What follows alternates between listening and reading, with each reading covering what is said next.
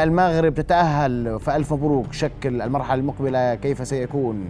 كيف نقرأ النتائج حتى اللحظة؟ محمد حلمي راشد الصحفي الرياضي يجيب على كل ذلك. محمد مساء الخير أهلا بك. مساء النور. أبدأ من فوز تاريخي للمغرب أول فريق إفريقي أول فريق عربي يصل للمربع الذهبي في كأس العالم منذ انطلاقته. رؤيا بودكاست. حدث عظيم حدث عظيم في كرة القدم وليس فقط في كأس العالم. بالطبع يعني هذا شيء إحنا محظوظين في هذا الجيل لأنه إحنا في العادة دائما يحدثون عن التاريخ لكن إحنا الآن شهاد على هذا التاريخ شاهدين جميعا ولاعبين صنعوا هذا التاريخ فشيء رائع لكل من تابع هذه النسخة من المونديال أن المنتخب المغربي استطاع صناعة شيء كان مستحيل بالنسبة للجميع يعني القليل من آمن الوحيد الذي آمن بالمنتخب المغربي هو المنتخب المغربي وهذه كانت نقطة القوة اللي استخدمها الفريق ضد أي منتخب لاعبه. المنتخب هو من من ملك من من من تحمل زمام المبادرة من أدى نتائج قوية. البعض يقول يجب أن نضع ألف علامة سؤال على مدرب المغرب. علينا أن نعرف كيف يفكر هذا الرجل الذي صنع هذه الروح لدى هذا الفريق. في دور المجموعات الركراكي يعني إحنا دعونا نذكر إنه إحنا المنتخب المغربي هزم المصنف السابق الأول على العالم المنتخب البلجيكي. المصنف الثاني حاليا نعم. على الاقل وتصدر على حساب المنتخب الكرواتي اللي هو وصيف كأس العالم وهزم كندا ومن ثم أخرج إنريكي إسبانيا والآن يخرج البرتغال مع كريستيانو رونالدو وكتيبة النجوم الموجودة. فلذلك اريك راج يتعامل مع دور المجموعات بكيفية التصدر. فبعد ذلك توقعنا في 90 دقيقة يتفوق الأوروبيين بالخبرة لكن الذي حدث إنه الريكراجي قدم قدم مستوى فني رائع جدا. تنظيم بدني يحسب للكادر البدني الموجود مع المنتخب المغربي لأنك أنت ما بتقدر تلعب بمستوى عالي لمباراتين أمام منتخبات من التوب إسبانيا والبرتغال. مع ذلك قدم مباراة بدنية رائعة جدا. فلذلك العمل كامل كان من الكادر الفني والبدني بقيادة الرقراقي اللي قدم أوراق اعتماده بشكل ممتاز. المدرب فقط من شهرين تولى زمام أمور المنتخب المغربي. لا, لا لكن هناك من يقرأ أن الرقراقي هو مغربي يعرف تماما اللاعبين. اللغة هناك لغة صحيح. مشتركة. صحيح. استطاع تقريب جعل الأجواء داخل المنتخب المغربي أسرية. هذه هي نقطة وهذا كان غير موجود. التحول. مم. نعم نقطة التحول أنه أعاد الوحدة الموجودة عند المجموعة.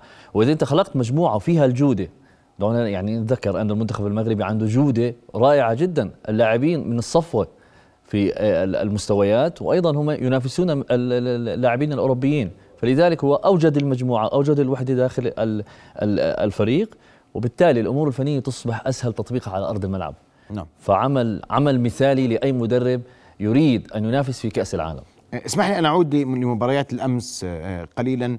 كرواتيا حققت المفاجأة اخرجت نعم. البرازيل آه، وهولندا قاومت وأبقت قلوب الأرجنتينيين يعني خائفة حتى اللحظات عملت المنتدى رائعه صحيح. كيف نقرأ اولا لقاء كرواتيا البرازيل؟ الكرواتيا تثبت أن أحد عشر لاعبا منضبطا قادرون على التغلب على كل الأسماء وكل النجوم. هو الوصف الصحيح هو الانضباط اللي كان لدى المنتخب الكرواتي الذي أوصله أنه يسجل هدف التعادل بسبب عدم الانضباط الموجود عند المنتخب البرازيلي. المنتخب البرازيلي كان أفضل في كل شيء لكن في وقت ما كان محتاج إدارة انضباطية داخل أرض الملعب.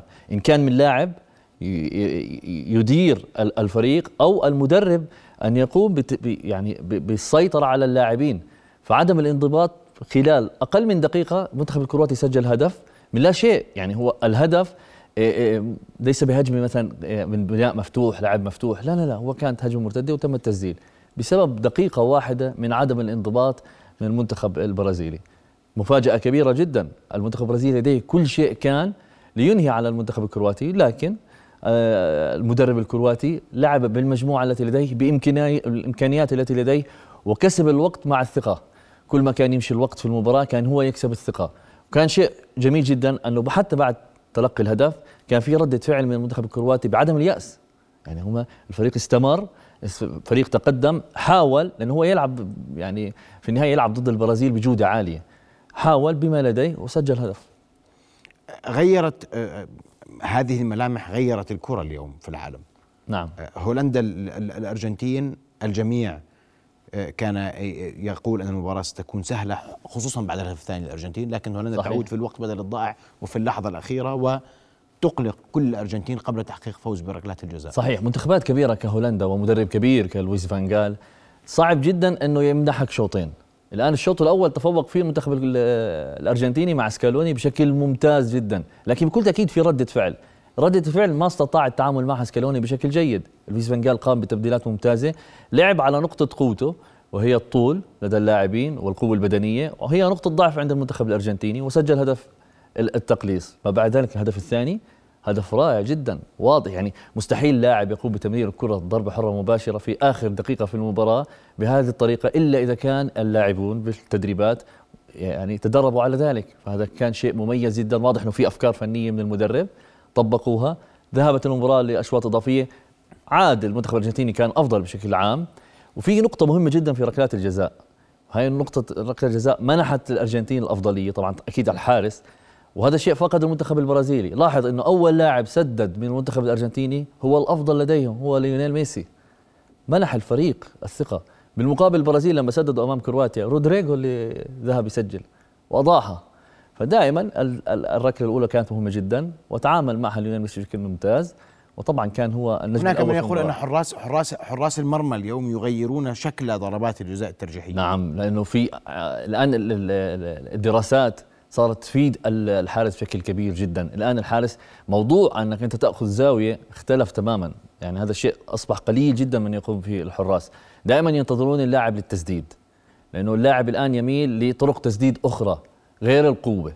فإذا ما كان فيها قوة تسديدة لو ما توقع ال- ال- التسديدة راح يكون في تصدي أكيد نسبة أعلى لحارس المرمى. وفعلا يعني كل الحراس في في مباريات أمس كانوا رائعين جدا. مارتينيز وأيضا الحارس ليفاكوفيتش حارس المنتخب الكرواتي الجميع. هناك من يقول أن هذه المنتخبات تتدرب على ضربات الجزاء الترجيحية. كرواتيا تحديدا.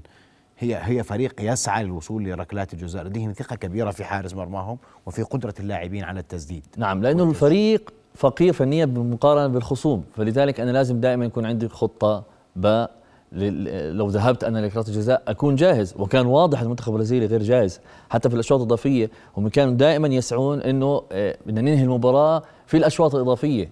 لكن هو أنهى المباراة في الشوط الإضافي الأول. نعم. الكل اعتقد أن البرازيل أنهت المباراة. في فالفكرة كانت نعم صحيح لكن عدم ال- الانضباط في دقائق معينة أنهى أمال البرازيليين للأسف. أنا كوني يعني كنت أشجع المنتخب البرازيلي ففعلا فعلا موضوع آه، الثقة الموجودة عند اللاعبين تنعكس دائما على هاي الأمور. البعض يقول أيضا ثقة الفريق الذي ينزل الميدان فائزا. اليوم اليوم في مباراة ال- ال- المغرب والبرتغال البرتغال كانت أكثر ثقة بأنها ستفوز في هذه المباراة السهلة. خسرت البرازيل وأمس دخلت المباراة أمام كرواتيا وكلها ثقة أنها ستفوز. هذه الأجواء الاحتفالية لم تكن حاضرة في مباراة الأرجنتين وهولندا رغم تكافؤ الفرص لكن الأرجنتين استطاعت حسم المعركة. الفرق تدخل بشعور ونفسية المنتصر نعم. تهزم. الثقة سلاح ذو حدين.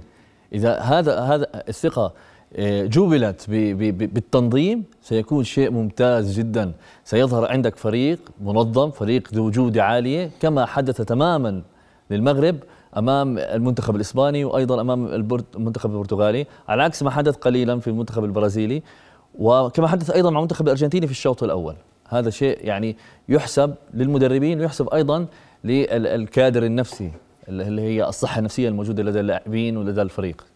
الليلة الأنظار كلها موجهة للقاء كبير نهائي مبكر فرنسا إنجلترا كيف ستكون هذه المباراة؟ خصوصا أن الفريقين يمتلكان نجوما من طراز عالي بيعرفوا بعض منيح فرق أوروبية. نعم. وكيف سيكون شكل اللقاء؟ سوبر ومن, stars ومن. ومن الأقرب لمواجهة المغرب؟ يعني فاجأنا مدرب ديشام مدرب المنتخب الفرنسي بتغيير أفكاره عن 2018 لا يشبه 2018 المنتخب الفرنسي أفضل بشكل كبير أفضل هجوم بشكل كبير يتجه للمرمى بشكل مباشر. وبالتالي يعني متوقع أن تكون مباراة هجومية ومباراة دفاعية من المنتخب الإنجليزي لأن ساوث جيت قليل الخبرة في هذه الأمور. لكنها مباراة مفتوحة على كل التوقعات. لا ننسى الفريق الإنجليزي سجل كم كم من هائل من الأهداف. طبعاً. هو فريق نعم. أيضا هجوميا لديه حلول لديه إمكانات. لديه أسماء قادرة على خلق آه، الأهداف من من من, من اللا فرص. لديه كل شيء كل شيء المنتخب الإنجليزي لكن يفتقد للمدرب الذي يعرف كيفية إدارة المباريات اللي هو ساوث جيت لأنه هو يعني عنده أنت تقول أن فرنسا أقرب للفوز الليلة أقرب للفوز لأنها تمتلك لأن المدرب طور من أفكاره لأنها تمتلك كيليان مبابي. اللاعب خارق جدا صعب جدا إيقافه. هو النجم الأول الآن في موجود في المونديال بجانب ليونيل ميسي. فلذلك يعني آه، المنتخب الفرنسي أقرب للتأهل. ما بعد ذلك مواجهة مرتقبة بين كرواتيا والأرجنتين والأرجنتين تخشى أن تكرر كرواتيا فعلتها نعم. 2018 برأيك؟ الأرجنتين أقرب للنهائي. لوسيل سيحتضن المنتخب الأرجنتيني وبإذن الله يحتضن آه، المنتخب المغربي. لمن؟ لا يعني الآن كرواتيا لا تملك املا آه، في مواجهة صعبة جدا صعبة جدا لأنه لأنه هذا الفريق الثاني الذي ستواجهه لاتيني. منتخب برازيلي لاتيني قريب من المنتخب الارجنتيني سكالوني راح يشاهد المباراة راح يقرا كثير أمور موجودة عند المنتخب الكرواتي. والمنتخب الأرجنتيني عنده الأدوات الموجودة في خط الوسط أفضل من المنتخب البرازيلي في ضبط المباراة. فلذلك الأقرب المنتخب الأرجنتيني. إذا ما تحدثنا عن المغرب وحظوظها في العبور من نصف النهائي سواء واجهت إنجلترا نعم أو, أو فرنسا. فرنسا. كيف تقرأ ذلك؟ يقول البعض هنا العامل الخبرة مهم جدا سواء للمدرب أو للاعبين الضغوط النفسية. والبعض يقرأ ذلك بعكس ذلك المغرب لا لا تعاني ضغطا نفسيا هي حققت الإنجاز بوصولها للمربع الذهبي. صحيح. بينما الضغط كل الضغط سيكون على الفرنسيين أو الإنجليز إذا ما وصلوا. كوننا عرب وكونه هذا منتخب عربي يعني بنقتبس من محمود درويش على الحلم أن يرشد الحالمين. فدائما الأحلام كبيرة جدا. يعني اليوم إحنا شفنا كيف النصيري يعني طار طار وجاب الكرة هدف طار بأحلامنا كلنا. لأن هو كان عنده شيء بده يحققه داخل أرض الملعب. وفعلا تحقق هذا الشيء. فلما لا يكرر لأنه هو تكرر أصلا. آه، فعلوها أمام بلجيكا. فعلوها أمام العامل النفسي ألا تقرأ أنه مهم؟ المغرب بلا ضغوط نفسية هي الفريق الوحيد في الأربعة الكبار. ومن كرواتيا إلى حد ما. فريقان بلا ضغوط نفسية. شيء شيء مميز جدا هذا الشيء لأنه لأنه عدم وجود ضغوط يجعل اللاعب يقدم أكثر شيء عنده لأنه إحنا عارفين الضغط النفسي يؤثر على الأداء البدني مش فقط الفني التركيز على الأداء البدني كمية الجري والتعامل مع الكرة. فلذلك ابتعاد الضغوط وأيضا الخروج من ثوب أني أنا هزمت إسبانيا والبرتغال. آه عدم وجود. نعم. يعني الحلم بهدوء صحيح. بتركيز كما حدث في إسبانيا. نعم. وفي لقاء البرتغال. نعم. كل توفيق المغاربه ومبارك لكل العرب. هذا الفوز الكبير للمنتخب المغربي. أستاذ محمد أشكرك كل الشكر على وجودك معنا. رؤيا بودكاست.